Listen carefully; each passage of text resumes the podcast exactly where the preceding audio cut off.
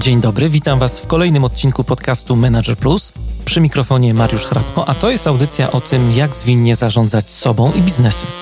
Jeżeli chcecie, żeby coś zmieniło się w Waszym życiu i czujecie potrzebę ciągłego szlifowania swoich umiejętności, zapraszam do słuchania moich audycji. To jest podcast Manager Plus. Dzisiaj w audycji pojawi się kolejne case study, tym razem firma rodzinna Orlińscy Salony Optyczne. Porozmawiamy sobie o tym, jak ta firma działa, jak to wygląda od środka, jakie są wyzwania, jak przykładają się do podejścia do zarządzania, do przywództwa w tej firmie. No i w studiu moim wirtualnym, tym razem e, dwie osoby, dwóch gości gość i gościna, Milena Jastrzębska i Michał Orlińscy. Witam Was bardzo e, serdecznie. Witamy cześć, również. witamy Cześć. również. No to słuchajcie, pierwsze takie, takie najważniejsze dla mnie pytanie chyba na tę rozmowę, bo jak, jak pewnie wiecie, jestem okularnikiem, bo to widać przez kamerkę, jestem okularnikiem od liceum w zasadzie, więc strasznie długi okres czasu. No i w czasie pandemii, no wiadomo, maseczki, parujące okulary, jak sobie z tym radzić? To jest taka moja zmora i myślę każdego okularnika. Jak mam gdzieś e, jechać, gdzie muszę siedzieć w maseczce dłużej niż, niż godzinę, to zawsze zakładam soczewki. No ale czy jest jakiś sposób na to, żeby to obejść? Próbować można, chociaż nie zawsze sku- skutecznie. No w basenie wiem, co zrobić. Trzeba napluć po prostu na, na szkiełko, rozmazać i... Na- Najważniejszym elementem jest dobrze dopasować maseczkę. Dobrze dobrać, a potem dopasować maseczkę. E, Przede wszystkim e, maseczka musi dobrze przylegać e, w tej części tutaj przy nosie, żeby powietrze, które wydychamy, nie, nie leciało do góry w stronę okularów. Ja oczywiście też mam to wyzwanie jako okularnik, natomiast się okazało, że na przestrzeni dwóch lat nauczy, nauczyłem się dopasowywać tak maseczkę, że teraz mi to nie sprawia problemu. E, Więc jak widać, nawet do tego złego można się przyzwyczaić i przystawić. E, Mówię do złego, bo wolałbym żyć bez maseczki. E, Natomiast są również rozwiązania e, specjalnych soczewek okularowych, które w większym stopniu e, umożliwiają odparowywanie ze swojej powierzchni, z powierzchni soczewek okularowych, jak również odpowiednie płyny, które możemy, którymi możemy czyścić okulary, a one tworzą na swojej powierzchni taką powłokę, która w, w większym stopniu zabezpiecza przed parowaniem. E, Natomiast no, w 100% niestety fizyki nie oszukamy, więc zawsze troszkę tam gdzieś parować niestety będzie. No trzeba niestety zacisnąć zęby czasem. Mhm. No dobra, no to, to rozumiem, że jakiś środek typu sprayu muszę użyć do tego.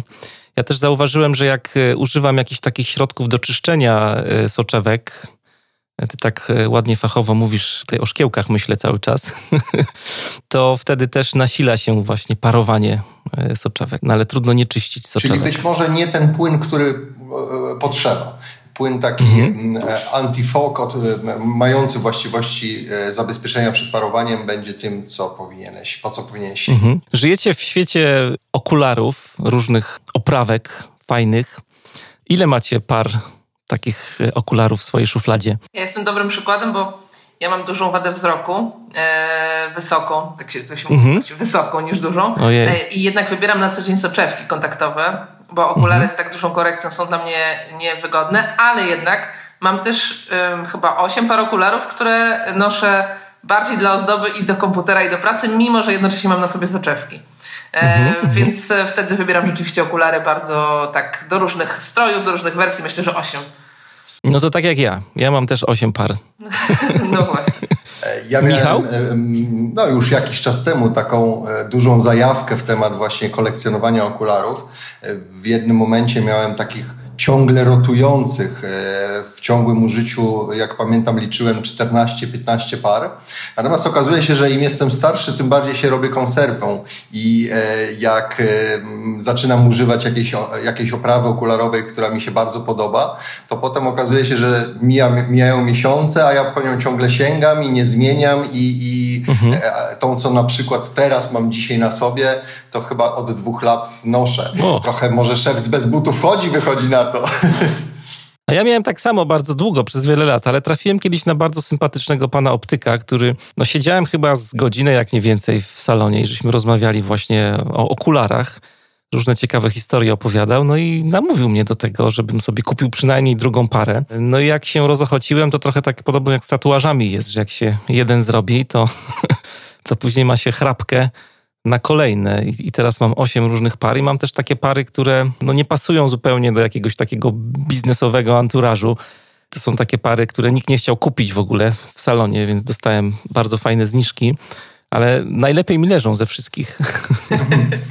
Myślę, że to bardzo ciekawe podejście, bo przede wszystkim okularów e, nie warto trak traktować jako zło konieczne, bo może być to ciekawy dodatek do naszego wizerunku. Dodatek bardzo ważny, bo jednak no, jest elementem naszej twarzy, czyli tym najważniejszym, najważniejszą częścią ciała dla drugiego rozmówcy. E, więc e, myślę, że w dobrą stronę idziesz. No, ale właśnie też zauważyłem, że ludzie zauważają te, te różne oprawki. To, to nie jest tak, że właśnie jakby otoczenie nie dostrzega tych, tych zmian, także one też są widoczne jakoś. U mnie to nie są e, oprawki czarne wszystkie na przykład, tylko mam kolorowe, pstrokate i no, są doceniane przez otoczenie.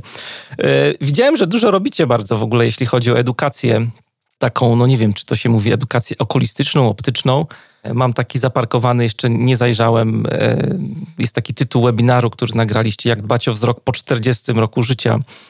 E, może się tam ciekawych rzeczy dowiem, bo już e, zaczynają mi się takie problemy. Już musiałem na przykład kupić dziewiątą parę okularów, która wiąże się z tym, że musiałem założyć szkła progresywne, bo miałem problem przy pracy przy komputerze, więc domyślam się, że różnych takich rzeczy tam dotykacie w tym webinarze. Dokładnie tak. E, to był chyba nasz pierwszy webinar, który w ogóle robiliśmy wspólnie, e, ale no, Michał tam się dzieli naprawdę wartościowymi wskazówkami i e, ja jestem takim gospodarzem tego, tego webinaru, tak? a Michał ekspertem i no, ja też dowiedziałam się wielu ciekawych rzeczy wtedy to, o czym mówisz, że musiałeś sięgnąć po inne rozwiązanie okularowe niż do tej pory, no jest takim naturalnym procesem zmian w organizmie każdego człowieka właśnie w okolicach mniej więcej 40 roku życia. No więc y, każdy 40-latek, który zaczyna się mierzyć z dziwnym zjawiskiem innego widzenia niż e, e, lata wcześniej, no warto, żeby mhm. się zapoznał z, z możliwościami, przede wszystkim, z, z e, przede wszystkim, żeby zapoznał się z tym, co, co, co tam się dzieje z jego oczami, że nie jest to nic strasznego, że jest to naturalne, no i że można rozwiązać ten problem. No dobrze, słuchajcie, ja was tutaj zagaduję skutecznie tematami takimi optycznymi, a tak naprawdę mieliśmy rozmawiać o tym, jak wy w ogóle żyjecie w tej swojej firmie rodzinnej. Może byśmy zaczęli od e, historii e, tego wszystkiego, co się wiąże właśnie z firmą Orliński Salony Optyczne. E, bo wiem też, że na przykład Milena, która jest z nami, nie była od początku, nie? Ty dołączyłaś do firmy z tego, co, co się dowiedziałem od 2019 roku. Jak to wszystko wygląda? Co więcej, nawet Michał nie był od początku. No tak, że no. trochę lat już mam. E, tak. Ja pozwolę sobie tylko sprostować, gdyż nasza firma nie nazywa się Orliński Salony Optyczne, tylko Orlińscy. Jest to Orlińscy. dla nas bardzo ważne, bo jesteśmy e, firmą rodzinną, e, firmą, która zrzesza duże grono ludzi, a nie tylko jeden e, pan Orliński siedzący za ladą, więc dla nas to istotne, mhm. żebyśmy byli orlińscy. To w sumie ważne, Dobrze. bo może kiedy nasza Poprawię firma się. powstawała, to może i było to Orliński, znaczy nigdy się tak nie nazywała, ale nasz tato był e, takim dowodzącym głównym, e, e, chociaż też od początku była mama, zawsze, była ich, zawsze byli we dwójkę. Rzeczywiście historia firmy zaczyna się w 90 roku, kiedy nasi rodzice założyli firmę. Firma była na początku zarejestrowana na mamę w ogóle, więc to jest taki początek. E, I mhm. oni otworzyli na warszawskich Woli taki mały punkt optyczny, e, który przez e, długie lata w sumie był takim, takim, takim sercem naszej firmy.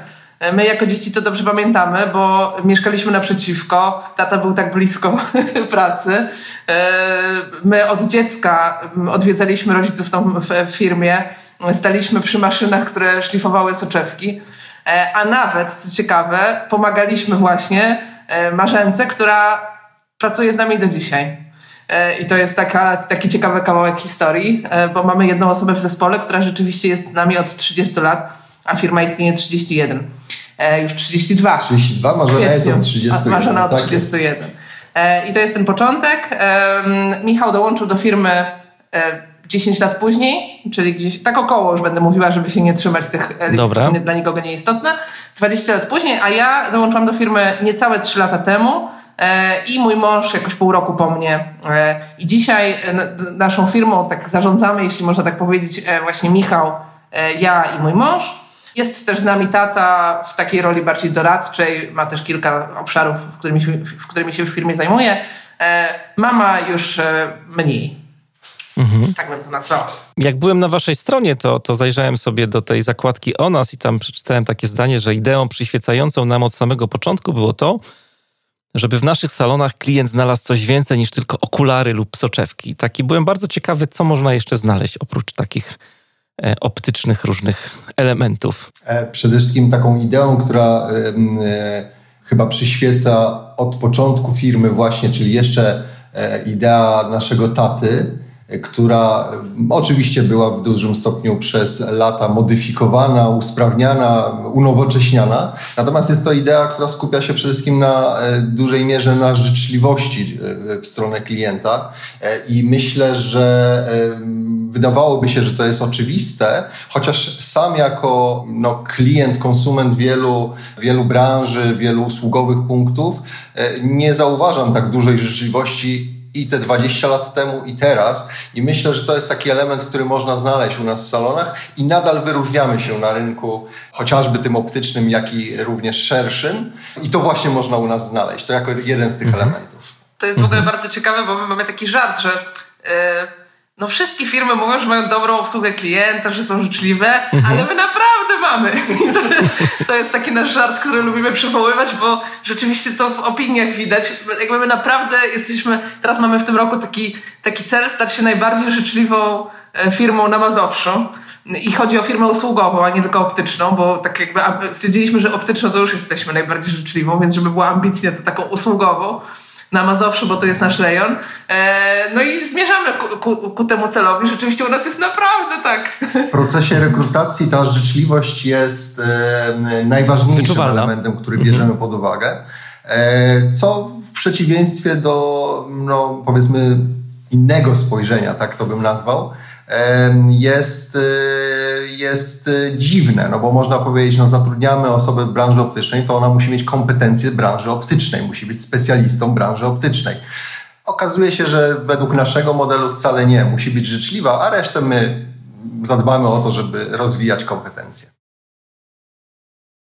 Czym taka firma rodzinna różni się od takiej y, no, nierodzinnej organizacji? Tak jakbyście mogli naświetlić kontekst naszym słuchaczom. My akurat jesteśmy tutaj przedstawicielami y, takiej historii, w której w sumie to nie za bardzo pracowaliśmy w innej firmie.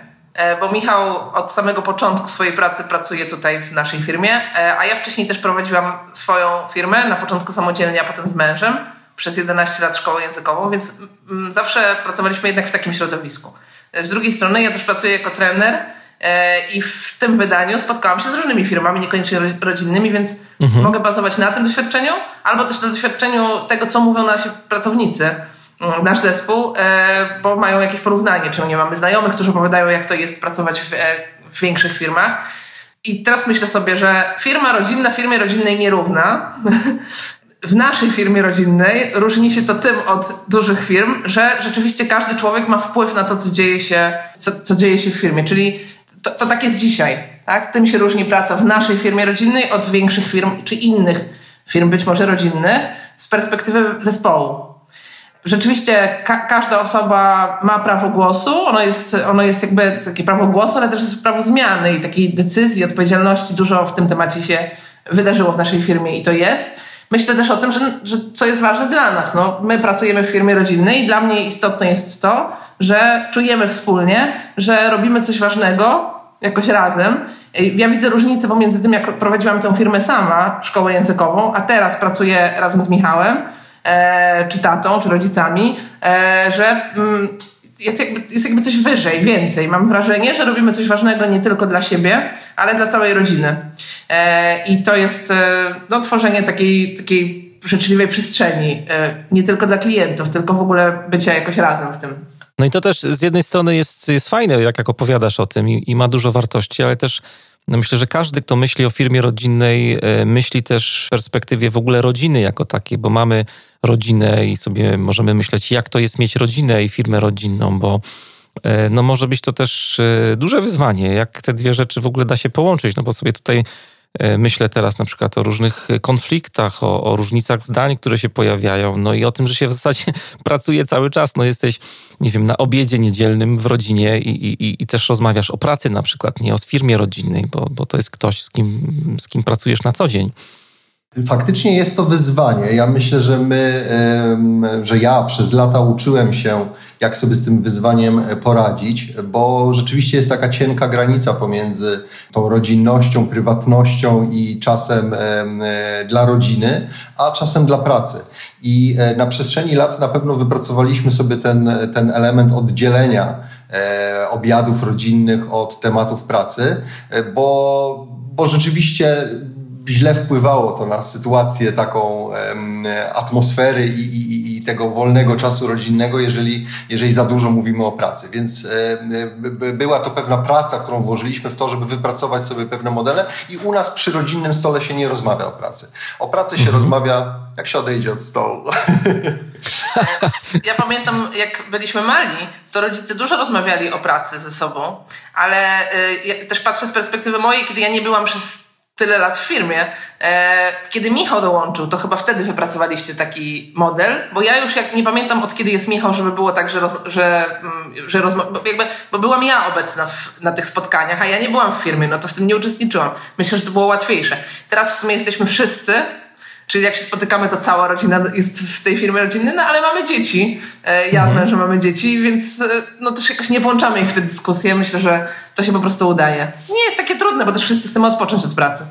Tak, trzeba tak, o tym jest, pamiętać, jest... że y, życie pracą, mimo że ona właśnie w firmie rodzinnej z punktu widzenia y, no, członka tej rodziny y, jest y, takie bardzo istotne, no bo jednak nie ma tutaj czegoś takiego, że potrafię o godzinie 17 no, ja pracuję dłużej, ale że powiedzmy o tej godzinie 20 e, zamykam drzwi i zostawiam pracę ze sobą. Jednak to serce i, i jakaś taka mentalność przywiązania do firmy e, własnej, rodzinnej e, nie pozwala no, wy, w, zostawić ją za, e, firmy za drzwiami, ale można się tego nauczyć i wręcz trzeba się tego nauczyć, żeby no, ta równowaga została zachowana i e, tak teraz patrząc z perspektywy czasu, potrafię o tej 20 zamknąć drzwi i nie myśleć o pracy. Więc to mhm. jest cenna, cenna rzecz, która dużo robi dla, dla, dla mnie i myślę, że dla naszej rodziny.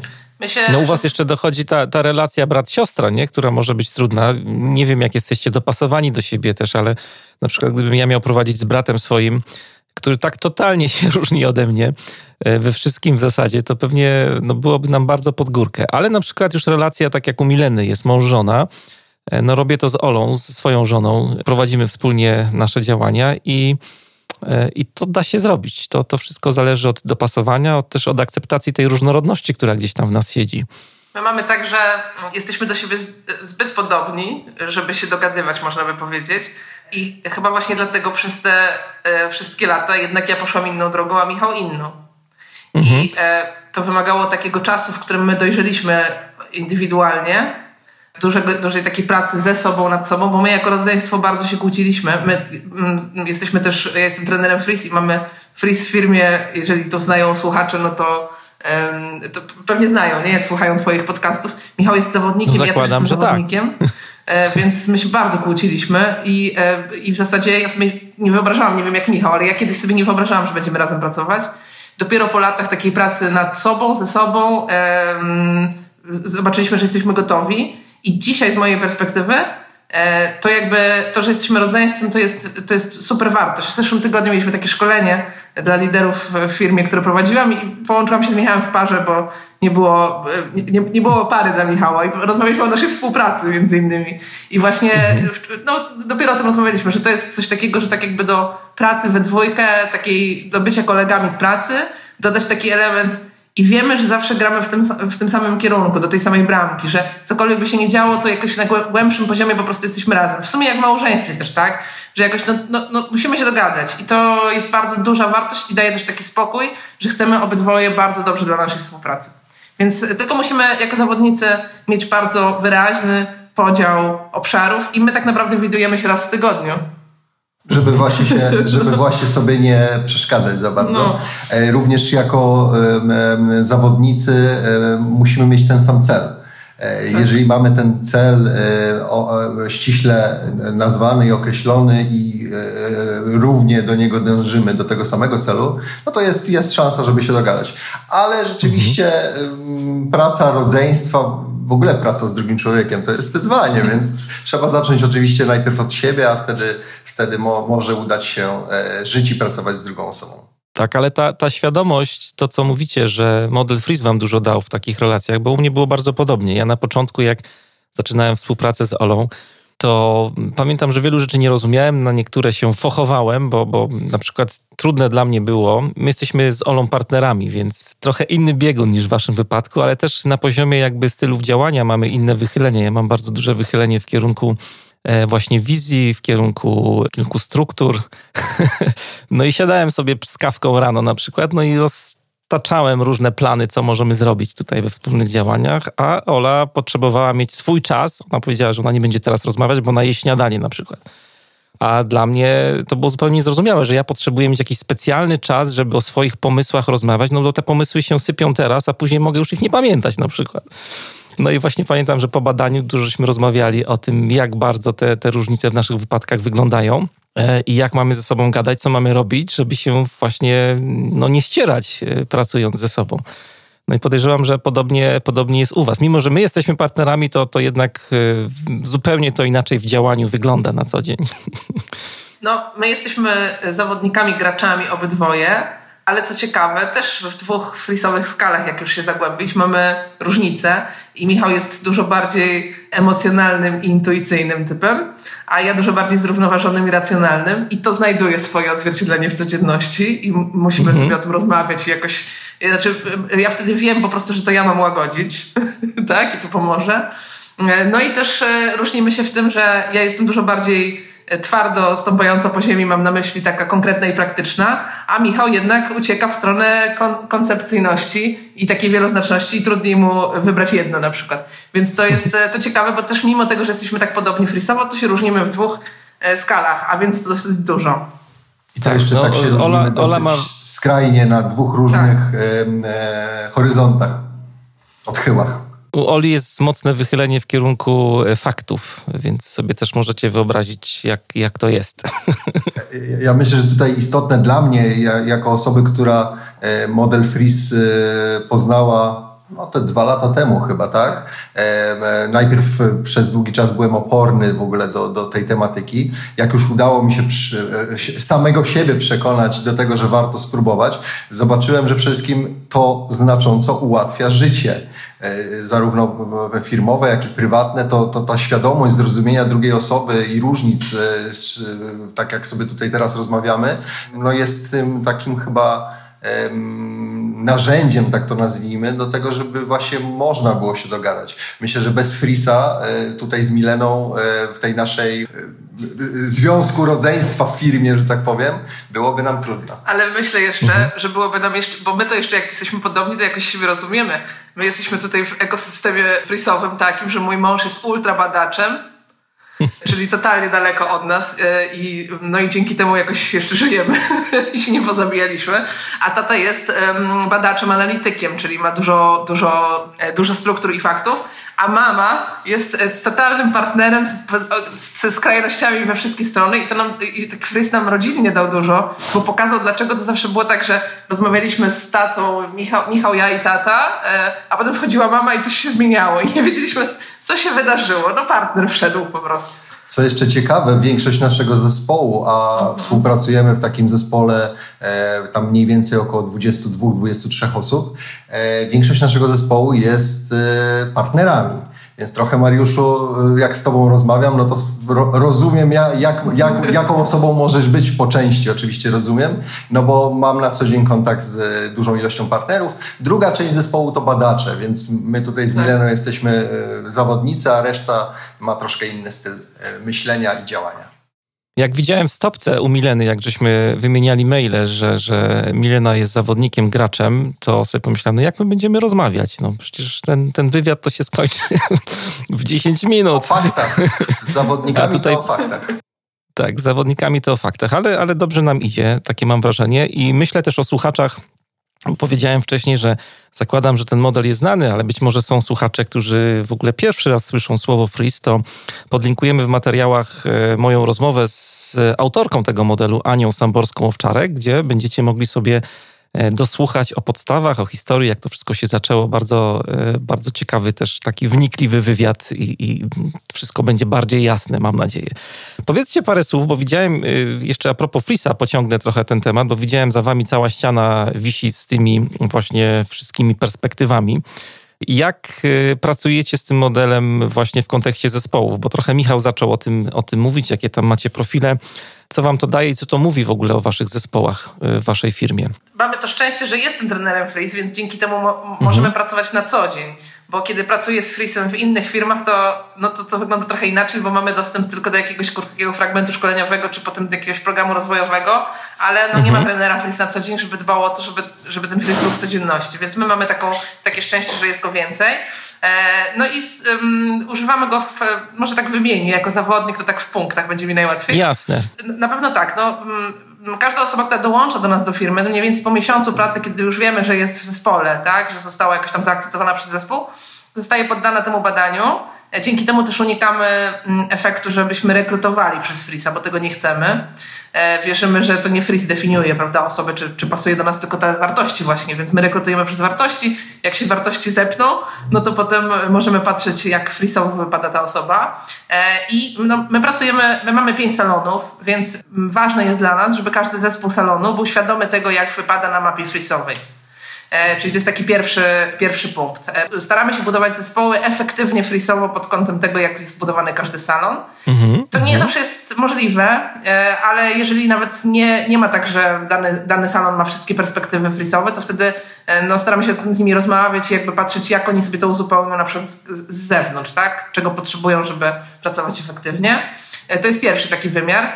Drugi wymiar to kiedy tworzymy różne zespoły projektowe, bo my pracujemy w firmie w dużej mierze projektowo, to, to, to, to, to patrzymy na to po prostu, nakładamy na to tę warstwę frisową.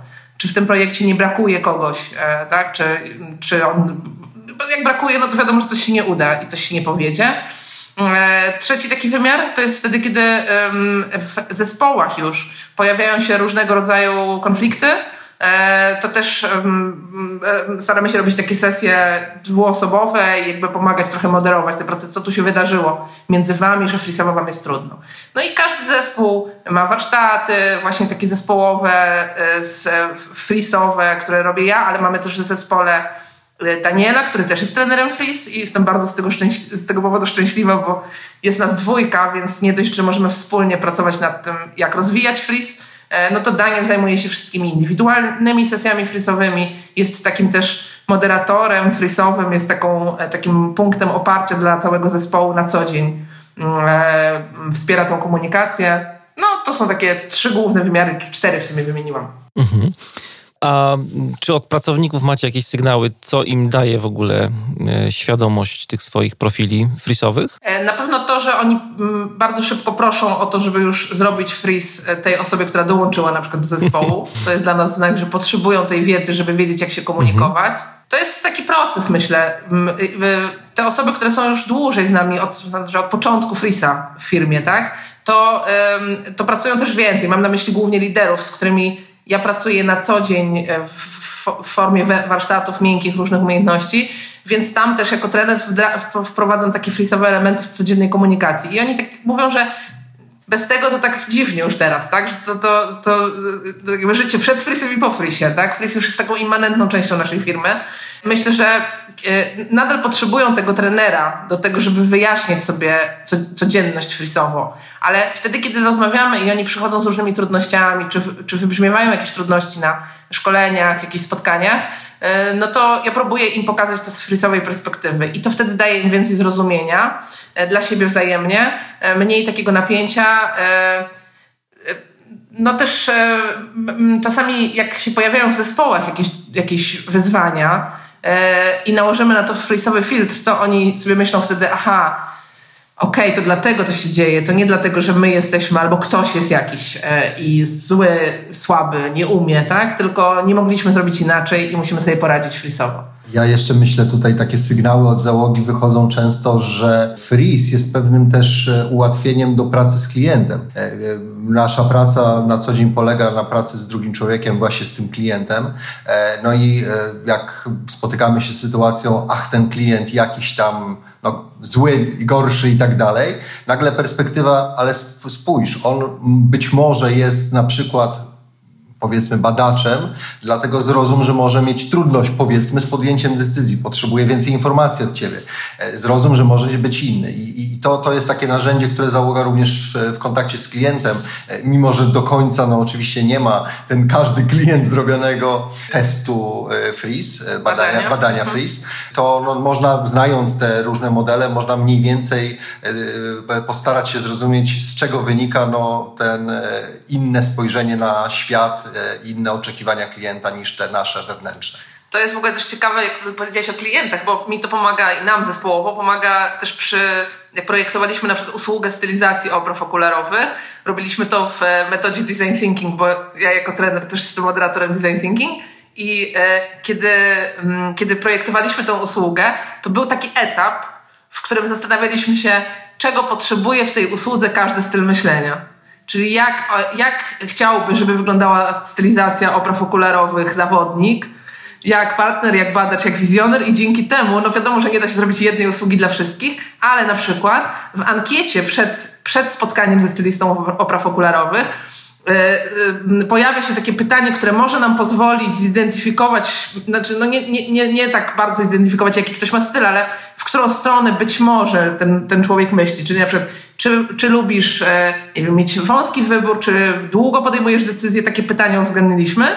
E, I wtedy stylista jest przygotowany mniej więcej na, na, to, jaki będzie klient i może tę usługę tak sobie przygotować, że wie, że będzie miał do czynienia, no nie wiem, z zawodnikiem, to, to, to zaplanuje trochę mniej czasu pewnie, nie? A jak będzie miał badacza, to przygotuje więcej opraw. Ale, ale macie już jakieś takie wnioski też na przykład a propos kształtów, kolorów tych oprawek, czy tylko bardziej patrzyliście na, na te potrzeby związane jakby z procesem wyboru? Bo tak jak mówisz, to trochę jest proces wyboru, czas potrzebny na, na decyzję i tak dalej, i tak dalej. Ale czy na przykład wyszło wam coś z tych badań dotyczącego kształtów na przykład? Kształt... Y, Wizjoner i, lubi bardziej to, pstrokate na tak. przykład kolory. Michał bardziej pewnie powie, ale generalnie kształt i kolor no to bardziej dopasowujemy do tego, co jest na zewnątrz, czyli do wyglądu i wymiarów i proporcji twarzy, a nie do tego, co... Y, a nie do stylu myślenia. Ale kiedy na przykład robiliśmy w zeszłym roku taką konferencję Kobiece Atelier Stylu i tam e, był taki warsztat, jak go współorganizowałam, taki warsztat na temat tego, jak e, style myślenia mogą wpływać na to, jak się ubieramy. Więc e, no, myślę, że trudno, trudno to poprzeć badaniami, więc też nie chciałabym mówić czegoś, co jest takie niesprawdzone, ale, e, no, ale no tak, no, na przykład zawodnicy częściej wybierają te kolory, które są mm, proste, klasyczne. E, a no, wizjoner to będzie, tak jak patrzymy na ciebie, Mariuszu, myślę, że takie okulary no właśnie będą bliżej kogoś, kto będzie miał aktywne Mam, mam tak? jeszcze bardziej zwariowane okulary. Tak, my nie nosimy zwariowanych. Raczej, raczej nie. Jak e, zrobimy badania, a wychodzi na to, że musimy zrobić badania, to obiecujemy, że wrócimy, Mariuszu, do ciebie z no, Ciekawy wątek bardzo, zainteresowaliście mnie dlatego tak go ciągnę. Jak się przygotowywałem do naszej rozmowy, to też a propos ciekawych wątków, trafiłem na różne badania, które dotykają problemów pracy w firmach rodzinnych. O wielu z nich już na początku powiedzieliście. Powiedzieliście o tych wszystkich kwestiach rodzinnych, bycia rodziną w firmie rodzinnej, ale pojawił się też taki jeden wątek, który, który jest wyciągany przy różnych dyskusjach e, a propos wyzwań firm rodzinnych, czyli to, jak e, sobie radzić z zarządzaniem taką firmą. No bo jak pracujecie, w, na przykład trafiacie do korporacji, no to tam są już konkretne szablony procesów, e, dokumentacji, jest jakaś struktura, w którą się wpada i to wszystko jest jakoś tam ogarnięte, mówiąc kolokwialnie. A u was, no to tak jak tutaj was słucham, trzeba nad wszystkim panować indywidualnie i samemu odkrywać trochę, w którą stronę się chce iść. Mówiliście, że mm, bardzo mocno pracujecie na frisie i słychać był ogromny entuzjazm z używania tego modelu. modelu. E, mówiliście też, że używacie procesów design thinkingu. Co jeszcze e, takiego zadziało się w waszej organizacji? Jakie zmiany wprowadziliście w funkcjonowaniu firmy, która no, ma już ponad 30 lat? Michał tak mi oddaje głos, a ja się zastanawiam, bo ja, ja wprowadziłam zmiany dwa i pół roku temu, ale, ale wcześniej też różne były. Natomiast no, ważne jest to, że przez ostatnie dwa i pół roku, czyli od tego mojego i mojego męża dołączenia do firmy, przeszliśmy taką um, e, intensywną zmianę mocną, taki powiedziałabym, że o 180 stopni, bo kiedy dołączyłam do firmy, mhm. e, no to spo, spo, zobaczyłam firmę w takim modelu, myślę, że tradycyjnym, bardziej rodzinnym, jednego głównego przywódcy, w dwóch głowach, ale jednego. E, w dwóch głowach mamy na myśli tatę i Michała, natomiast no to jakby jedna osoba, tak? Czyli w takim modelu bardziej autorytarnym. I no cóż, no ja jako trener, jak dołączyłam, to trochę e, hmm, tak przy Michale to mówię, ale to trochę załamałam ręce. Pomyślałam sobie, o kurde, ile tu jest roboty. Ale też, e, też weszłaś z bardzo ciekawą perspektywą, bo, bo to, co powiedziałaś, że dołączyłaś jako trener, no wiele osób, które doradza firmom, są konsultantami czy tenerami w takiej rzeczywistości już e, konkretnej bardzo, jakby im przyszło pozarządzać swoimi firmami, do końca sobie są w stanie poradzić. No a tutaj miałaś bardzo duże wyzwanie, no bo firma e, po części twoja też, nie? No bo jesteś mm, orlińska z domu, jakby nie było. E, no, dzisiaj też już moja, faktycznie, e, mimo że jastrzębska, ale kiedy ja, kiedy ja dołączałam, my się umówiliśmy z Michałem, że ja przyjdę na jedno spotkanie tutaj jeszcze wtedy kierowników, tak nazywaliśmy nasz taki zespół zarządzający średnią, średnią kadrę, i że przyjdę i zobaczymy. E, no i tak jak przyszłam, to już zostałam. Już nie wyszłam jakby, już e, od razu się okazało, że... A to ty nieświadomie przychodziłaś do tej firmy, tylko miałaś takim być obserwatorem, tak? Który coś może podpowie. Plan był taki, że ja doradzi, przyjdę tak? do firmy, tylko że ja wtedy byłam, Aha. E, ja wtedy miałam, kiedy przyszłam, to miałam niecałe roczne drugie dziecko. I pomyśleliśmy sobie, dobra, to tak w ramach takiego powrotu z macierzyńskiego zobaczymy, jak to będzie. No ale bardzo szybko się okazało, mhm. dobra, to jest ten czas, niania i jedziemy. Pamiętam ten moment. Tak, ja myślę, jak zawodniczka, tak. E, ja myślę, że e, jak mówisz, że przyszłaś i zobaczyłaś z punktu widzenia trenera, ojejku, ile jest tutaj do roboty, to mogła być to zachęta. Fajnie, mam co robić, będę się realizować. Więc tak. ta zmiana y, rzeczywiście myślę, że była wyzwaniem. Natomiast powiedz, jak to wygląda z perspektywy minionych dwóch lat w takim razie. Ja myślę, że ja sama się bardzo dużo nauczyłam w tym procesie, bo przecież nigdy wcześniej nie przemieniałam firmy w taki sposób. No opowiadałaś o tym, jak, jak to ma wyglądać, nie? jak żyć, nie? a tutaj rzeczywistość taka konkretna tak. cię spotkała. E, no, prowadziłam wcześniej firmę, więc można powiedzieć, że no, jakoś tam ją zarządzałam. E, tak sobie myślę, że mówię o tej zmianie jednoosobowo, dlatego że e, dzisiaj już jest trochę inaczej. I dzisiaj w tej zmianie w ogóle kultury firmy nie jestem sama i jest zespół. Natomiast wtedy, kiedy dołączyłam, to to było takie bardzo jednoosobowe dla mnie. Czyli ja czułam, że mam w głowie jako, jakiś obraz przyszłości, ale zanim my zaczniemy go realizować, to jest wtedy około 30-osobowy zespół, który w ogóle musi uwierzyć w to i w ogóle tego chcieć. E, więc pierwsze, z czym, z czym się mierzyłam, to z takim poczuciem, że kurde, trzeba będzie przekonać wszystkich, znaczy, czy to w ogóle jest realne. I ja mam takie, taką myśl, że pierwszy rok to był taki, że ja popełniłam bardzo dużo błędów, bo było bardzo daleko od tego, jakie sobie to wyobrażałam, a jaka jest ta firma wtedy, jaka była. I e, ona mhm. wtedy nie była gotowa na pewne działania, które ja już e, jakby ja już widziałam e, oczyma duszy mojej w przyszłości i tymi metodami pracy. Czyli. A potrafisz, potrafisz wymienić taki błąd, który ci najwięcej nauczył? Tak mówiłaś, że popełniłaś mnóstwo błędów. Myślę, że taki błąd, który nauczył mnie najwięcej, jednocześnie oddaje bardzo duszę mojego zawodnika, czyli ja za szybko przyszłam do działania, mimo że mi się wydawało, że ja dość długo siedzę w procesie słuchania, rozmawiania i badania potrzeb zespołu, no to mhm. jednak za szybko przeszłam do działania, a przez to, że za szybko, to nie byłam w stanie na tamtym etapie pociągnąć zespołu. Dać zespołowi szansę na to, żeby, żeby on to jakby odczuł i chciał w tym być. No w efekcie po drodze tej przemiany przytrafiła się nam pandemia. E, więc e, no tak. tutaj to zaskutkowało e, i dzisiaj sobie myślę, że to z jednej strony był błąd, a z drugiej nie. No trudno, jak, no, trudno na to tak patrzeć. Znaczy były rzeczy błędne, były nie, ale to zaskutkowało wymianą zespołu po części. Czyli my na pewnym etapie tej pandemii podjęliśmy jednak decyzję o tym, żeby zmniejszyć skład zespołu o prawie połowę. No i tak z poziomu ludzkiego to, to, no to są takie, no to są, no myślę o tym jako błędach, no bo tam po drugiej stronie byli ludzie. Choć z drugiej strony, no patrzę na to tak, że my wtedy zrobiliśmy tak jakby rekrutację przez wartości. I to była taka sytuacja pandemiczna, w której zobaczyliśmy, no dobra, są ludzie, którzy są po tej stronie nowego sposobu patrzenia na firmę i są tacy ludzie, którzy y, nie patrzą tak jeszcze i deklarują, że nie chcą tak patrzeć. E, więc wtedy mm, podjęliśmy taką decyzję e, trudną. Na pewno dzięki temu udało się przyspieszyć te zmiany, mówię jak zawodnik, ale no udało się ją przyspieszyć i jej dokonać w okresie po pandemii, e, po tej pierwszej pandemii, tak? I dzisiaj bardzo szybko okazuje się, że jesteśmy w innej rzeczywistości.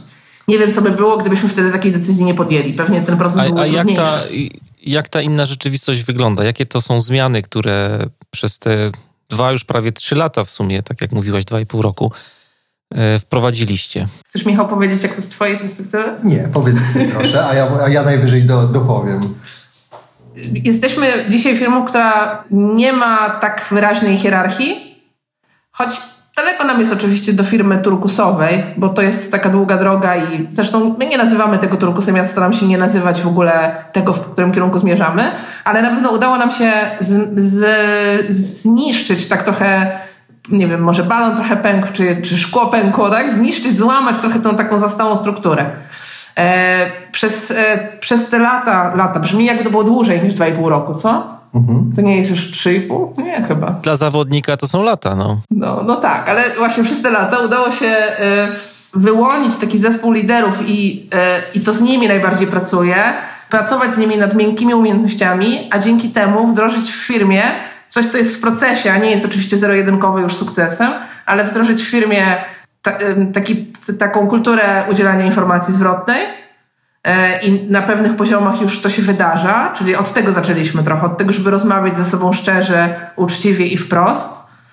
To się udało. Udało się i cały czas nad tym pracujemy, nad y, przejrzystym sposobem podejmowania decyzji w ramach firmy i testujemy różne sposoby podejmowania decyzji. Większość z nich nie, większość decyzji nie należy do nas. Mam na myśli męża mojego, mnie i Michała. Więc podejmujemy decyzje zespołowo, nie zawsze demokratycznie, ale jednak to ludzie podejmują te decyzje. Udało nam się w ogóle, i to, to myślę, że jest bardzo ważne. Kiedy ja przyszłam do firmy, to zostałam taką silosową firmę, czyli każdy salon to jest osobny zespół i największy silos zarząd. Tak? I, I to były takie, wtedy było sześć salonów, czyli sześć salonów i zarządowy silos. I nikt ze sobą nie współpracował. I to, co się wydarzyło, to mamy, yy, no mamy zespół po prostu, czyli udało się zbudować zespół. E, gdzie ludzie pracują pomiędzy salonami i my też jesteśmy częścią zespołu. Wcześniej nie było w ogóle czegoś takiego, że zespoły salonowe pracowały nad innymi rzeczami niż tu i teraz sprzedaż. Dzisiaj każdy członek zespołu może mm, realizować się w różnych rolach, czasami dla swojego salonu, a czasami dla całej firmy, w zależności od tego, jakie ma potrzeby. To dla przykładu, to jest mój ulubiony przykład, który często podaję, mamy taki zespół w firmie, E, złożony z różnych osób, które chciały, który zajmuje się dobrą atmosferą, integracją, docenianiem, imprezami, mhm. urodzinami i po prostu oni to robią w swój sposób, taki, który, który chcą, który wypracowali i ponieważ mamy zespół złożony z wielu partnerów, no to łatwo było E, im to e, jakby stworzyć i wymyślić. I to jest taki dobry przykład, e, który pokazuje, w jaki sposób działamy jako firma. Bo też mówiłaś o tym, że, że idziecie w stronę takiej filozofii, której nie lubisz nazywać turkusem i tam no, to jest bardziej filozofia niż metoda pracy i jednym z elementów tej filozofii jest samozarządzanie. Ciekaw jestem bardzo, jak daleko z tym samozarządzaniem poszliście w waszej organizacji. Co to znaczy, że te decyzje są podejmowane przez pracowników? Jak to tak bardziej praktycznie wygląda? Wszystkim jest to, jest to rzecz na pewno, której każda nowa osoba, która przychodzi do firmy, a my cały czas no, rekrutujemy i powiększamy e, zespół na przestrzeni ostatnich miesięcy. E, każda nowa osoba ma duże wyzwanie, żeby nauczyć się myśleć w ten sposób, że teraz ojej, ja teraz muszę wziąć na siebie odpowiedzialność pewnej decyzji. E, no i ten proces na pewno nie jest łatwy dla tej osoby, natomiast myślę, że tutaj ważne jest, że każda osoba, która ma, podejmuje pewną decyzję, ma wsparcie. Ma wsparcie innych członków zespołu, którzy nie podejmą tej decyzji e, za tę osobę, natomiast e, no, podpowiedzą, wesprą w taki sposób, że, że osoba zmniejszy tę, tę, tę, tę trudność do podjęcia decyzji, ale finalnie będzie to prowadzić, wydaje mi się, do tego, że że no, po paru takich próbach podjęcia decyzji ta odwaga, ta, ta otwartość do podejmowania decyzji no, będzie łatwiejsza. Więc to jest wyzwanie, natomiast jak się będzie to robić, to myślę, że wejdzie to, nazwijmy to, w krew. Myślę o takim przykładzie, nie? że takie przykłady decyzji, które ludzie podejmują, a kiedyś nie i z którymi my się czasami mierzymy że na przykład ktoś przychodzi do nas z pytaniem o decyzję, to już coraz rzadziej się zdarza, no ale zdarza się, z pytaniem o decyzję, mówimy, my nie wiemy, tak, to jakby nie wiemy jakąś decyzję, to, to, to i, jakby, i wtedy staramy się pomóc tej osobie we właściwym w wyborze właściwego sposobu podejmowania decyzji. I dla przykładu, e, miesiąc temu dołączył do nas nowy członek zespołu, e, no i akurat jesteśmy na etapie tam planowania urlopów i on pyta, czy może wziąć urlop w jakimś tam terminie bo mamy zasady urlopowe, ale to jest poza zasadami, tak? Czyli on jakby ma potrzebę, żeby złamać tę zasadę. No i pyta nas na przykład, tak? No, jakby, no, nie wiemy, no skąd mamy to wiedzieć, tak? Czy ty możesz wziąć wtedy urlop? I my naprawdę nie wiemy, tak? To trudno dawać jakąś decyzję. Jak my nie wiemy, przecież to dotyczy całego zespołu. E, no i to jest taki przykład, gdzie udało się zespołowo podjąć decyzję. W ogóle my się nie wypowiadaliśmy w tym temacie, tak? Czy jakieś rzeczy związane z obsługą klienta, czy zrobić tak, czy tak. No to też e, na co dzień, czy nie wiem, właśnie często o takim wolnym, nie? Czy na, albo czy, czy kogoś zostawić w zespole, czy zwolnić, tak? Wyzwanie lidera. Myślę, że kiedyś byłoby łatwiej zapytać nas, co my myślimy i, i zrobić tak, jak powiedział szef, no to będzie łatwiej, tak? Tutaj nie ma tak. Co więcej, to też nie jest tak, że podejmujemy na przykład głosowaniem, nie? To też nie, nie, nie, nie jakby decyzja lidera o tym, żeby no, zwolnić kogoś ze swojego zespołu, jest decyzją lidera. E, tylko, że on potrzebuje do tego zespołu. Jak zagłosujemy, to to będzie spaczona decyzja. I tutaj była chyba forma taka podejmowania decyzji. Moja decyzja po konsultacji z innymi osobami, prawda? Znaczy moja mam na myśli lidera. Tutaj istotne myślę jest to, żeby pamiętać o tym, że samodzielne podejmowanie decyzji nie równa się z tym, że ja teraz jestem sam w tym podejmowaniu decyzji.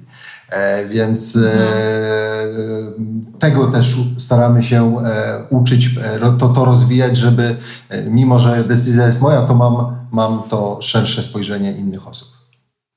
A nie zawsze demokratyczne. Mówiliście, że testowaliście różne modele decyzyjne i który taki jest najbardziej Wam teraz bliski, z którym pracujecie? Jak to wygląda nie w tym momencie? Nie da się powiedzieć o jednym, bo my właśnie mhm. stosujemy różne w zależności od sytuacji. I chyba to jest najlepsza odpowiedź na to pytanie. Tak? Czyli, że nie da się powiedzieć, że zawsze demokratycznie, albo zawsze autorytarnie, albo zawsze tam metodą konsensu, że nie ma takiego czegoś po prostu. No, Za każdym tak. razem inaczej. Tutaj chyba jednym z takich kryteriów ważnych jest e, przede wszystkim czas na podjęcie decyzji, jak i drugie kryterium, e, na ile ta decyzja będzie wpływać na większą część zespołu. E, I te dwa wyznaczniki wpływają na to, że za każdym razem trzeba podjąć inną metodę podejmowania decyzji. I cały czas się tego uczymy. E, mamy teraz na, na ten rok taki cel, właśnie jeden z naszych głównych celów strategicznych to jest, tak go nazwaliśmy, mieć przejrzysty, dobrze nazwany i działający sposób podejmowania decyzji i ról, tam to też ostrzeżone.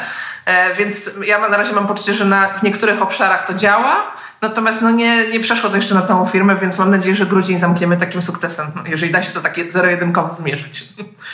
A jak sobie y, pracownicy z tym radzą? Jak oni do tego podchodzą? Bo przypuszczam i, i, wiele osób mówi, jak wchodzi w takie właśnie systemy pracy, że jest to takie dość mocne przemeblowanie głowy w wielu wypadkach. Niektórzy sobie radzą, niektórzy nie, ale jednak są. E, a zatem wybierają uczyć się tego, tak bym powiedziała. Ostatnio była jedna dziewczyna u nas, która pracowała u nas tydzień i zrezygnowała właśnie z taki, trochę z takim argumentem, że to, t- taki sposób pracy jest nie dla niej. Ona, sobie nie, ona nie, nie jest gotowa wziąć takiej odpowiedzialności, nie chce tak pracować.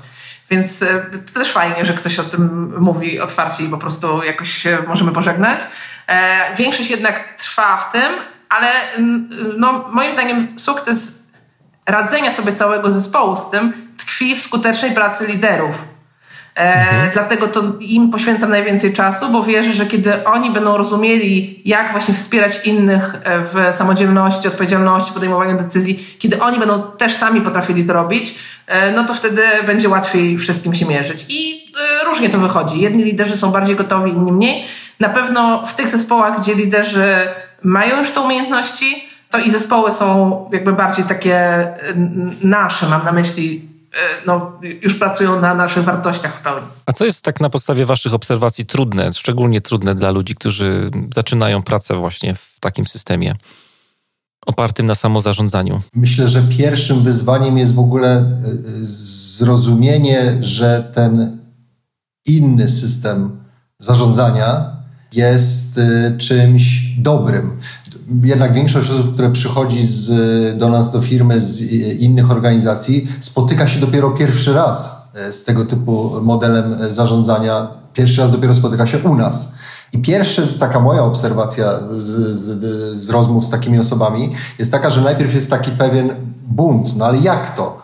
To, to tutaj nie ma, jak powinno być, nie ma określone, ja potrzebuję tutaj tych zasad wytycznych, bo, bo jak, jak to ma być? Nawet mieliśmy taki przypadek, że jedna z dziewczyn już prawie odchodziła z firmy, bo jednak no, stwierdzała, że sobie y, nie wyobraża pracować w takim modelu. Po jakimś tam chwilowym urlopie dla głowy, że tak powiem, e, okazało się, że wróciła już rok, e, że tak powiem, nadal z nami jest i, e, i pięknie się rozwija, że tak powiem, w tym modelu. Więc ja myślę, że tutaj e, wyzwaniem jest najpierw zrozumienie właśnie, że ten model wcale nie jest zły, a drugim wyzwaniem jest zrozumienie, że ten model może być lepszy. Lepszy niż inny, który, który się znało. I chyba rzeczywiście ten bunt pojawia się wtedy, kiedy z, z, z, członek zespołu myśli sobie, że zaraz, to, że ja mam podejmować decyzje, to pewnie dlatego, że jest bałagan. Nie? To pewnie dlatego, że im się nie chce podejmować decyzji. Zrzucają na mnie odpowiedzialność. I to jest też wyzwanie dla nas oczywiście. Bo to też nie jest e, tak, że, e, że my możemy... Po, e, ja, ja, pamiętam, że o, to jest jeden z błędów początków. E, kiedy mhm. przyszłam i sobie pomyślałam, że dobra, zrobimy to, no to moja taka pierwsza myśl, no co będziemy się uczyć sposobów podejmowania decyzji? No niech każdy podejmuje decyzję taką, jaką uważa za słuszną. To jest najprostsza zasada i nie trzeba tu nic kombinować. To była moja myśl, tak? Ale zapomniałam o tym, że to ja, ja, ja mm, bardzo łatwo podejmuję decyzje.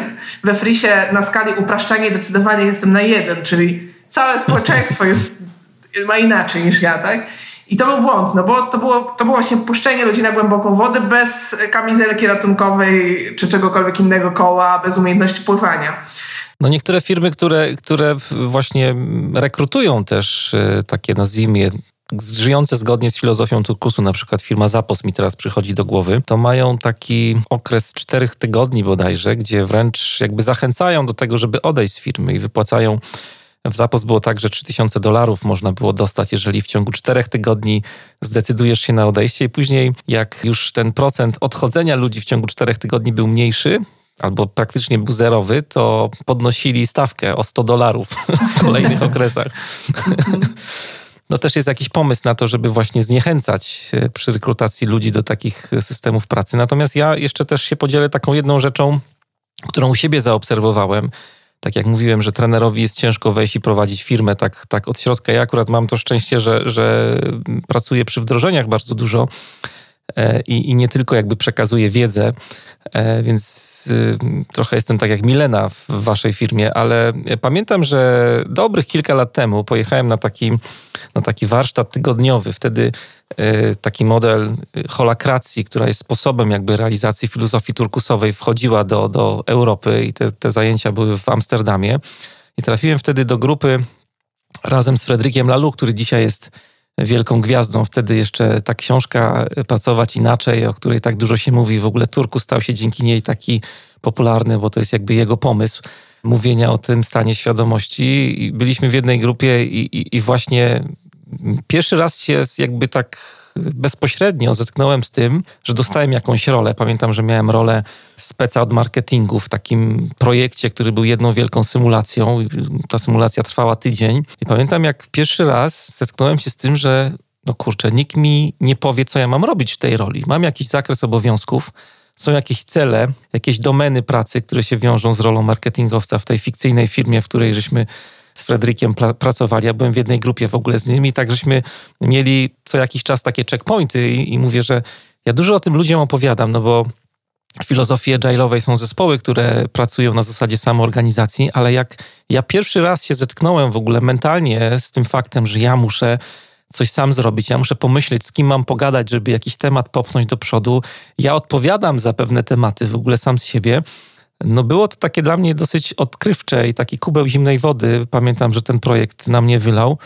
E, I pomyślałem sobie, jak ludzie muszą mieć ciężko w ogóle, którzy przychodzą zwłaszcza z takim obciążeniem mentalnym, z takim mindsetem, gdzie faktycznie lider e, wszystko za mnie robi, że lider podejmuje decyzje, jak jest problem, to on odpowiada, to on dostaje kopniaki po tyłku, jak, jak coś nie idzie. Ja jestem tylko takim szaraczkiem, który tam jakieś swoje zadanka w tym projekcie e, wykonuje. No i problem z głową jest tutaj chyba z tym przemeblowaniem głowy taki najtrudniejszy, bo ludzie muszą wejść trochę w buty takiego no, startupowicza. No, jesteście firmą stosunkowo małą w porównaniu do korporacji, ale w korporacjach też są e, próby w dużych organizacjach, może korporacja to nie jest dobre słowo, ale są też próby wdrażania tego trybu pracy, no i jest to bardzo trudne, mentalnie zwłaszcza dla ludzi. Ja mam taką, taką myśl, że właśnie to przemeblowanie w głowie jest też takim prezentem. Jak pracujemy z Danielem, o którym wspominałam, że też z ten mhm. no robimy wspólnie szkolenie dla innych firm.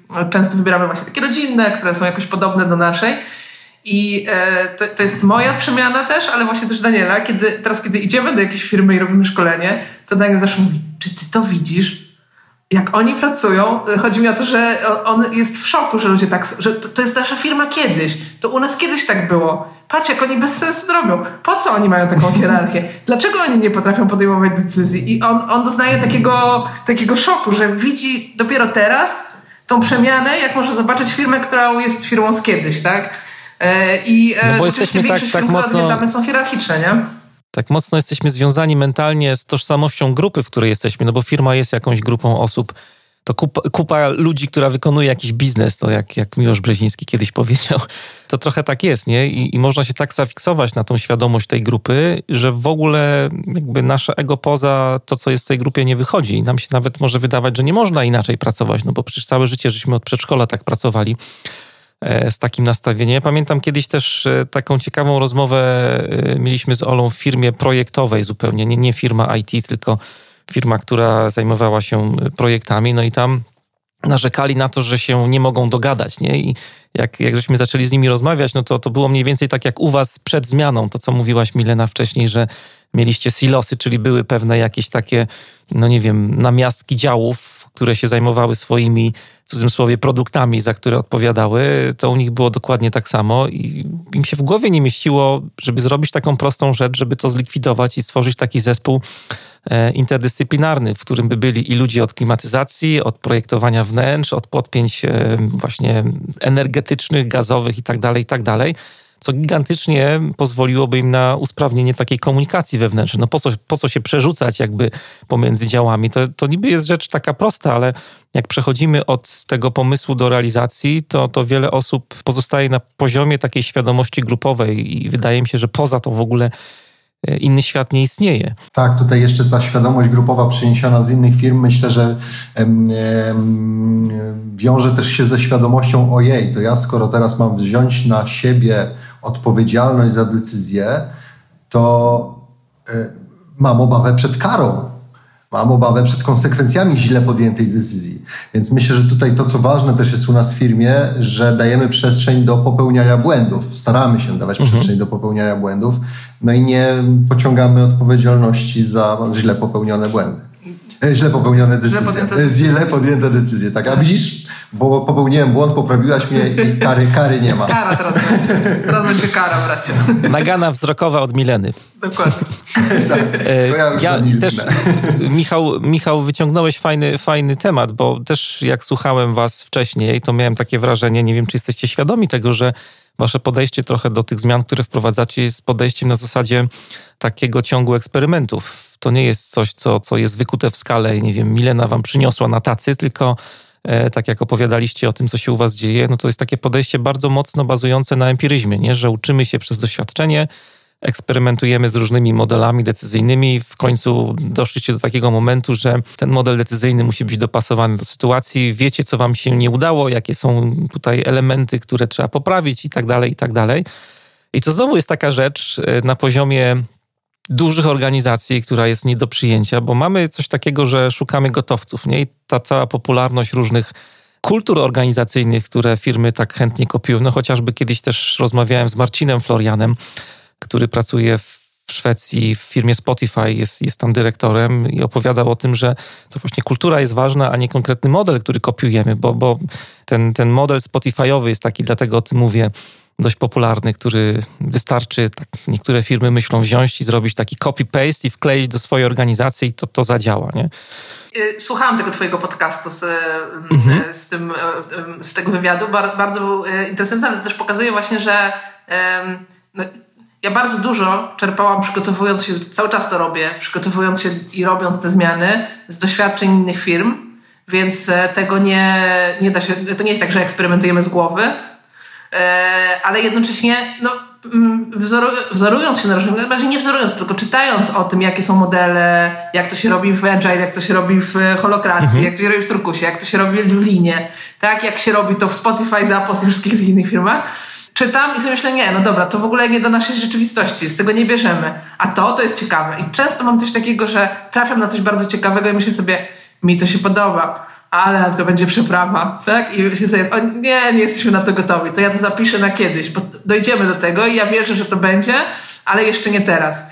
E, no ale też często polska rzeczywistość nie pozwala nam. E, ale wiesz, to te, też mogą być twoje, twoje filtry w głowie twojej, nie? Jeżeli to przefiltrowywujesz Ciekaw jestem, jaki byłby efekt, gdyby to wyszło. Myślę, że to było dużo cenniejsze, gdyby to wyszło jakby od zespołu, że możemy coś zmienić, bo tak, takich zmian raczej nie, nie powinniśmy blokować w organizacji, nie? Bo cała idea tych takich firm, które pracują w filozofii turkusu jest y, taka i sprowadza się do tego, że w zasadzie każdy pracownik jest takim, to jest takie hasło, które się często pojawia, takim sensorem, nie? że wyczuwa organizację, próbuje poczuć, co tam działa, co nie działa, próbuje wnieść coś od siebie no i dalej wrzuca to na, na y, właśnie forum y, zespołu, w którym pracuje, czy firmy. No i się to procesuje za pomocą procesu decyzyjnego. No i albo ta zmiana wejdzie, albo nie wejdzie, jeżeli jeżeli zespół tego jakby nie poczuje też. Tak, ja, wiesz co, bo, bo, to u nas w sumie jakoś działa, to znaczy zespół rzeczywiście inicjuje różne mm, wiem, pomysły, czy jakby tam rzeczy na wiem, potrzeby, czy zmiany. Mhm. No ale jednak mamy taki zespół, który, który frisowo układa się w stronę partnerów i badaczy frisowo, więc ja mam taką, taką, takie poczucie, że w mojej głowie pojawia się dużo więcej niż zespół jest w stanie unieść, jeśli chodzi o pomysły. I mam na myśli też tempo, ilość, tak? Więc ja dlatego inkubuję też te pomysły, które przychodzą do głowy. No nie wiem, no naj, najwięcej czytam, czy uczę się i w tym temacie poświęcam najwięcej czasu. I e, nauczyłam się, żeby nie zarzucać zespołu, i przez zespół mam na myśli też Michała, męża, mojego wszystkich w zasadzie, nie zarzucać zespołu tą ilością e, rzeczy, które można jeszcze zrobić, bo my tego nie pociągniemy. Więc dlatego, tak trochę odpowiadając na tą mhm. odpowiedź, że staram się inkubować te rzeczy, zanim wypłynę, bo jakbym miała wszystkimi pomysłami się dzielić, no to by było tak, że 90% ja, a 10% zespół i to też nie byłoby chyba służące dla zespołu. Ale też w tym temacie myślę, że pracujemy nad tym, znaczy w sensie zespół pracuje nad tym, żeby inicjować więcej, ale to jest powolny proces. Tak bym powiedziała, mhm. powolny. A chciałbym jeszcze zahaczyć o, o, temat kultury organizacyjnej i pracy nad nią, bo jak y, tam żeśmy rozmawiali przed rozmową, to wspomniałaś, że macie opiekunów kultury organizacyjnej. Bardzo mi to zaciekawiło, na czym praca takich osób polega. Jest nas trójka, ja jestem jednym z, z opiekunów. Mhm. W zasadzie y, właśnie nie mamy takich ram. My teraz pracujemy nad tworzeniem sobie ram i kierunku. E, działamy od kilku miesięcy i na razie nasza działalność polega na tym, że e, spotykamy się raz w miesiącu i rozmawiamy o tym, co się wydarza, a co się mogłoby wydarzyć i jakie są potrzeby i nastroje. Trochę jak powiedziałeś o tym sensorze, to chyba my coś takiego robimy, tylko tego tak nie nazywaliśmy. Teraz na przykład e, wypracowaliśmy sobie takie, takie, tam jest około 20 czy 30, już nie pamiętam ile punktów, takiego, takiego drogowskazu, czyli dokąd my chcemy dążyć, po czym poznamy, że się udało to, co robimy. I, e, no, i, no i tam właśnie jest, nie wiem, właśnie ten przejrzysty sposób podejmowania decyzji, czy, czy na przykład, no nie wiem, udzielamy sobie informacji zwrotnej w sposób przejrzysty, wiem, jaka jest, jakie są moje role i jak mogę się rozwijać, różne takie rzeczy. I, to, I chcemy, żeby to się stało taką, taką ankietą takim, takim, takim miernikiem, który puścimy do zespołu i zobaczymy, jak to się nam udaje. I chcemy to sobie robić raz na kwartał, czy jakkolwiek, zobaczymy, co wyjdzie z tego, ale mhm. robić raz na jakiś czas, żeby patrzeć, czy, no, czy to idzie w tym kierunku, w którym chcemy. Więc to jest mhm. taki sposób naszej pracy. Nie mamy tu za bardzo ram, bo dobrze nam się ze sobą rozmawia i bardzo rozumiemy tę e, rozumiemy to, co chcemy zrobić. Nie? I to jest takie fajne, że nie musimy tego jakoś bardzo nazywać. Znaczy, Teraz staramy się to nazwać po to, żeby to było bardziej przejrzyste dla zespołu, co my faktycznie robimy. Mhm. A nad czym teraz pracujecie? Co jest dla Was takim największym wyzwaniem? E, myślimy cały czas tutaj o organizacji firmy, o, o czym opowiadamy sobie teraz. Role i decyzje. Mhm. Żeby mieć rolę, czy, czy żeby mieć te role dodefiniowane odpowiednio? Żeby mieć je dodefiniowane i działające, tak żeby, żeby sposoby podejmowania ról i, i rezygnowania z nich były dostępne dla zespołu. Żeby, żeby zespół nie musiał korzystać z hierarchii lidera innych ludzi, żeby podjąć bądź zrezygnować z, z roli, albo żeby o niej rozmawiać, tak? Żeby jakby każdy członek zespołu wiedział, jakie ma role i wiedział, z kim do tego pójść. Czyli chcecie tak oddzielić, oddzielić rolę od stanowiska trochę. Rolę od duszy. tak, już od stanowiska się nam udało, ale jeszcze się nie, nie udało stworzyć tego, co, co zamiast tego. Tak jakby rzeczywiście stanowisko już zniknęło, ale jeszcze nie mamy tego, tych ról w pełni. No bardzo dużo inspiracji tutaj może wam dostarczyć holakracja. W ogóle to jest jedna z rzeczy, która jest taka bardzo odkrywcza podejście do ról właśnie w organizacji, żeby pracować na rolach, a nie na opisach stanowiskowych, bo praca na rolach bardziej pokazuje te wszystkie takie wydeptane ścieżki, a nie poukładane chodniki gdzieś tam między osiedlami. Ja czasami pokazuję takie zdjęcie, które dużo daje do myślenia, jak to życie w naszych firmach funkcjonuje, bo my trochę tak próbujemy układać chodniki, a ludzie i tak chodzą E, swoimi ścieżkami, to role to właśnie bardziej, bardziej oddają, więc e, bardzo dobry kierunek pracy, tak myślę. Bardzo pomaga tutaj mi osobiście Ewa Bocian, która jest trenerem, który pracuje właśnie w zakresie holokracji i, i mhm. przyznam, że ona tutaj trochę pozwala mi korygować moje niektóre zapędy do strukturowania bardziej niż, e, niż potrzeba. Mówiłeś, że się dużo uczycie i tutaj chciałbym jeszcze ciebie podpytać o to co robisz w ramach y, platformy, w której jesteś Agile Leadership Tribe, bo jesteś od dawna, nie wiem czy jakoś nie od początku nawet, członkiem naszego plemienia. Co ci to daje? E, dla mnie to jest taka przestrzeń do zobaczenia, do spotkania ludzi, którzy chcą rozwijać się w podobnych kierunkach jak ja i my. Bardzo podoba, podoba mi się ten wasz wkład, twój Mariuszu i Oli, te, te, te, takie filmy, które nagrywacie, e, dyskusje na temat książek. To jest dla mnie taki punkt inspiracyjny właśnie do poszerzania wiedzy dalej. E, I mi bardzo się podoba ten wasz partnerski właśnie frisowy wkład w tę platformę, bo tak jakby no, no dla mnie właśnie to, to, w jaki sposób wy to tworzycie, a wy właśnie tworzycie tę platformę tak niestrukturalnie, tylko bardzo, bardzo budujecie oddolną taką, taką inicjatywę członków plemienia E, to pozwala mi zobaczyć, że właśnie można tak na miękko. E, I to też mnie bardzo inspiruje w ogóle wasz sposób pracy z tą platformą. A to, co tam jest, no to jest dodatkowy, dodatkowy plus, tak? Że są ciekawe dyskusje, że, że tematy. Ja też często czytam te książki, o których mówicie. Mm, co prawda nie pasuje mi godzinowo czytelniczy, jak to się nazywa, klub dyskusyjny, tak, ale to z, z, godzinami to, to już wiemy, to już robimy prawie trzeci rok i nauczyliśmy się, że zwłaszcza w tym takim okresie pandemicznym, gdzie mamy dosyć trochę siedzenia przy komputerach. No, nie ma dobrej godziny chyba na, na, na spotkania, więc robiliśmy eksperymenty z różnymi czasówkami, ale zawsze komuś coś tam nie pasuje, co jest myślę, myślę zrozumiałe, dlatego żeśmy wprowadzili nagrania teraz, więc można sobie je obejrzeć. Ale jestem na bieżąco z, z tymi lekturami, bo zawsze jak wychodzicie z jakąś lekturą, to albo ją czytałam niedawno, albo właśnie wiem, że mam przeczytać, więc wszystkie mam przerobione.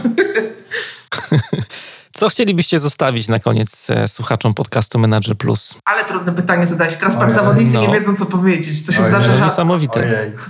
E, co chcielibyśmy zostawić? Jakąś myśl może, jakąś fajną książkę, którą czytaliście, albo jakąś fajną, nie wiem, praktykę, którą chcielibyście się podzielić. E, ja jako zaskoczony pytaniem nie mam odpowiedzi na szybko, ale to, co mi przychodzi do głowy na szybko, to ja bym może chciał zostawić z taką myślą, żeby się nie bać zmian E, mimo że one są często trudne. Bardzo pompatycznie to zabrzmiało, ale ja w to wierzę, więc zostawiam Was z tym. A ja tak, w sumie to taka myśl, nie wiem, nie wiem czy to nie będzie sztampowe, ale dobra. Jeżeli, Co tam? Jeżeli ktoś, kto nas słucha, prowadzi swój biznes, E, i myśli sobie, że to się nie uda pod kątem tego, jak zbudować zespół, żeby położyć sam z wszystkim, ma takie poczucie, że musi wszystko robić sam, no to żeby ten, to słuchanie nas zainspirowało go do tego, że to nie musi tak być. Bo żadne z nas na tym etapie nie ma takiego poczucia, że nosi jakiś ciężar własnego biznesu i że to jest taka orka na ugorze, bo kiedy się zbuduje zespół, a to jest realne, I ja tego doświadczyłam i w tej firmie obecnie, ale też w mojej poprzedniej, takiego poczucia, że o, udało się, nie? jest zespół, to, to nie ma tego poczucia i zespół staje się wtedy takim ogromnym oparciem. I wtedy zaczyna się rozmawiać o ludziach w taki fajny sposób. Znaczy chyba najpierw się zaczyna o nich rozmawiać dobrze i do tego się tworzy zespół. E, tak, że to, to jest konsekwencją tego, ale dzięki, dzięki temu, że właśnie się patrzy na ludzi w taki dobry sposób, no to, no to nie jest się samemu. Więc trzeba zacząć od e, takiej wiary w siebie i gotowość na to, żeby się zmieniać. Jak się będziemy zmieniać, no to tak. uda się zbudować ten zespół. Ale myślę, że oboje ten ciężar na pewnym etapie nieśliśmy i ta, tak. ten ciężar nam ciążył znacząco. Dlatego zachęcamy do zmiany, jeżeli tobie tak. ciąży coś na, na, na, na plecach i nie możesz e, po prostu być szczęśliwy, to zastanów się nad zmianą. O, dobra puenta. Bo my tak sobie myślimy i rozmawiamy z zespołem o tym, żeby oni, że, że pamiętajcie o tym, że to wy macie być szczęśliwi, nie? że jakby staramy się odnaleźć w sobie szczęście na co dzień i uczyć tego zespół, bo wiemy, że jak będą szczęśliwi ludzie, no to oni się będzie chciało pracować z nami i będzie dobrze. No i tak to się. Przy okazji pozdrawiamy, pozdrawiamy ten zespół, o którym tutaj tak często wspominacie. Bardzo. Pozdrawiamy bardzo. Bardzo. Ciekawe, co powiedzą. Jest, to jest podcast Manager Plus. Dzisiaj e, moimi waszymi gośćmi byli Milena Jastrzębska i Michał Orliński z firmy rodzinnej Orlińscy Salony Optyczne. Bardzo wam dziękuję za rozmowę. Bardzo dziękuję. Bardzo dziękujemy. Dziękuję, że zostałeś do końca. Mam nadzieję, że to, o czym Michał z Mileną tutaj opowiadali, przyda Ci się w myśleniu o tym, w jaki sposób rozwijać i budować swoją organizację, w jaki sposób rozwijać i budować swoje zespoły. Na koniec mam jeszcze dwa krótkie ogłoszenia. Pierwsze ogłoszenie dotyczy tego, co wydarzyło się w ubiegłym tygodniu. Otóż e, wspólnie z Olą przygotowaliśmy taki mini cykl edukacyjny, który jest dostępny zupełnie bezpłatnie. E, jego tytuł to Lider na trudne czasy. Kilka dosłownie dni po tym, jak e, wybuchła wojna na Ukrainie, kiedy rozmawialiśmy o całej tej sytuacji, kiedy rozmawialiśmy też o bohaterskiej postawie prezydenta Ukrainy, Władimira e, Zełańskiego, kiedy rozmawialiśmy o sile jego przywództwa, nie tylko dla narodu ukraińskiego, ale też o tym, jaką jest dużą inspiracją i wzorcem do naśladowania dla liderów, przywódców na całym świecie, nasza wspólna znajoma zadała nam pytanie, czy tego da się nauczyć? I to jest pytanie, które dało nam dużo do myślenia i zaczęliśmy się nad tym tak głębiej zastanawiać, i efektem jest właśnie ten mini cykl, w którym próbujemy się zmierzyć z odpowiedzią na pytanie, czy takiego przywództwa w takich trudnych, e, kryzysowych czasach da się nauczyć. E, mini cykl składa się z trzech odcinków. W pierwszym z nich zastanawiamy się nad rolą kontekstu, który uruchamia te funkcje liderskie e, w różnych osobach. W drugim i w trzecim zajmujemy się konkretnymi umiejętnościami, które da się wyćwiczyć, nad którymi można pracować, ale też pokazujemy, na co zwrócić uwagę, żeby wypracować swój dopasowany, taki do ciebie najbardziej adekwatny i naturalny e, styl e, przewodzenia właśnie w takich trudnych e, kontekstach, kontekstach wojny, kryzysów różnych, klęsk żywiołowych, pandemii, ale też kryzysów takich projektowych, które wydarzają się w czasie pokoju. Bardzo serdecznie e, zapraszamy Cię do obejrzenia. Wszystko będzie dostępne w materiałach pod dzisiejszym odcinkiem. Tam będzie link, gdzie będziesz sobie mógł jeszcze przez tydzień te filmiki edukacyjne pooglądać. No i drugie ogłoszenie. Kilka lat temu, jeżeli słuchasz regularnie podcastu Manager Plus, to pewnie wiesz, że mm, powstała platforma edukacyjna dla liderów Agile Leadership Tribe i jeszcze do końca tego tygodnia do tej platformy możesz e, dołączyć. My robimy takie otwarte drzwi 3-4 razy w roku, żeby mieć dużo czasu, żeby się maksymalnie skoncentrować na e, pracę z liderami, którzy tworzą właśnie tę społeczność. I rola społeczności w pracy też nad swoim rozwojem, wiemy to z doświadczenia, bardzo, bardzo dużo znaczy. Walt Disney powiedział kiedyś takie słowa: Jestem częścią tego, co mnie spotkało. Zawsze, kiedy chcemy się rozwijać, oczywiście możemy to robić e, indywidualnie, możemy się sami doszkalać, możemy też skorzystać z pomocy e, jakiegoś na przykład zewnętrznego mentora, ale naprawdę bardzo dużo robi dla nas, dla naszego rozwoju e, społeczność, która jest taką społecznością zapewniającą nam taki wzrost. Często mówimy, jak ktoś się stoczył, to mówimy, że wpadł w złe towarzystwo, dlatego się stoczył ale to jest takie prawo, taka zasada, która działa też w drugą stronę. E, jeżeli wpadniemy w dobre towarzystwo, to rozkwitamy, to jakby te wszystkie nasze potencjały, które w nas są, dobre strony, talenty, jeszcze sprawnie jesteśmy w stanie rozwijać i mm, doprowadzać do perfekcji. Agile Leadership Tribe jest taką platformą, e, która zrzesza fantastycznych liderów z różnych branż. Na początku, jak tworzyliśmy tę społeczność, to e, trochę gdzieś tam myślałem, że będzie to społeczność głównie jednak związana z branżą IT, ale po tych już prawie trzech latach okazało się, że naprawdę ci liderzy są z bardzo różnych światów, z bardzo różnym doświadczeniem. E, dzięki temu jest fantastyczny networking też możliwy, ale przyświeca nam jeden cel. Chcemy się rozwijać, chcemy rozwijać swoje umiejętności osobiste, przywódcze w codziennym życiu, w zespołach i organizacjach. Jeżeli chcesz do nas dołączyć, jeżeli czujesz, że to jest miejsce, w którym e, możesz się odnaleźć, to w imieniu swoim, ale też w imieniu całej naszej społeczności, wszystkich naszych współplemieńców, którzy są w naszym plemiennym namiocie, bardzo, bardzo serdecznie Cię do tego zapraszam. Oczywiście wszystkie linki i szczegóły znajdziesz na stronie zwinneszkolenia.pl. Tam też nagraliśmy z Olą taki krótki filmik, w którym opowiadamy więcej szczegółów, co Cię tam może czekać i w jaki sposób pracujemy i dodatkowo link też umieścimy w materiałach do dzisiejszego odcinka. Ja się nazywam Mariusz Hrabko, bardzo Ci dziękuję za dzisiaj i do usłyszenia niebawem.